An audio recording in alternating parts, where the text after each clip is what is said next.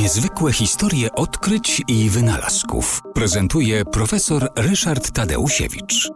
Prąd elektryczny charakteryzuje się tym, że czynnikiem, który go napędza, jest tak zwane napięcie elektryczne.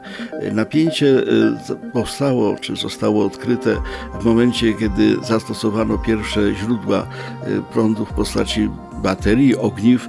E, stos Aleksandra Volt był źródłem właśnie napięcia i dzięki temu można było różne urządzenia elektryczne odpowiednio no, wykorzystywać, napędzać kolejne odkrycia dotyczące silnika elektrycznego, e, dotyczące prądnicy właśnie wiązały się z tym, że ludzie oswoili się z pojęciem napięcia elektrycznego.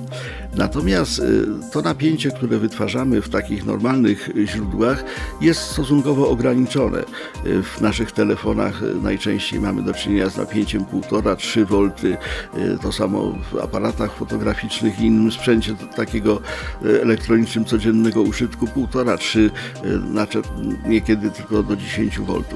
W gniazdkach, które nam towarzyszą i z których czerpiemy energię elektryczną, mamy do czynienia z napięciem na poziomie 220-230 V, a więc też stosunkowo niewielkim. Natomiast ciekawe zjawiska zaczynają się w momencie, kiedy to napięcie zaczyna być wyrażane w tysiącach voltów, a nawet czasami w setkach tysięcy voltów.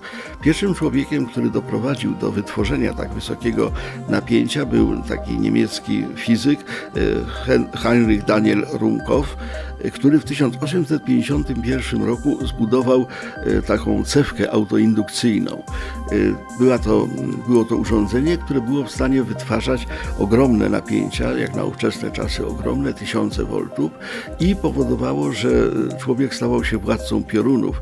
Można było wyładowania elektryczne realizować w tym e, pod wpływem tego bardzo wysokiego napięcia. Było to oczywiście rozwiązanie bardzo nowatorskie.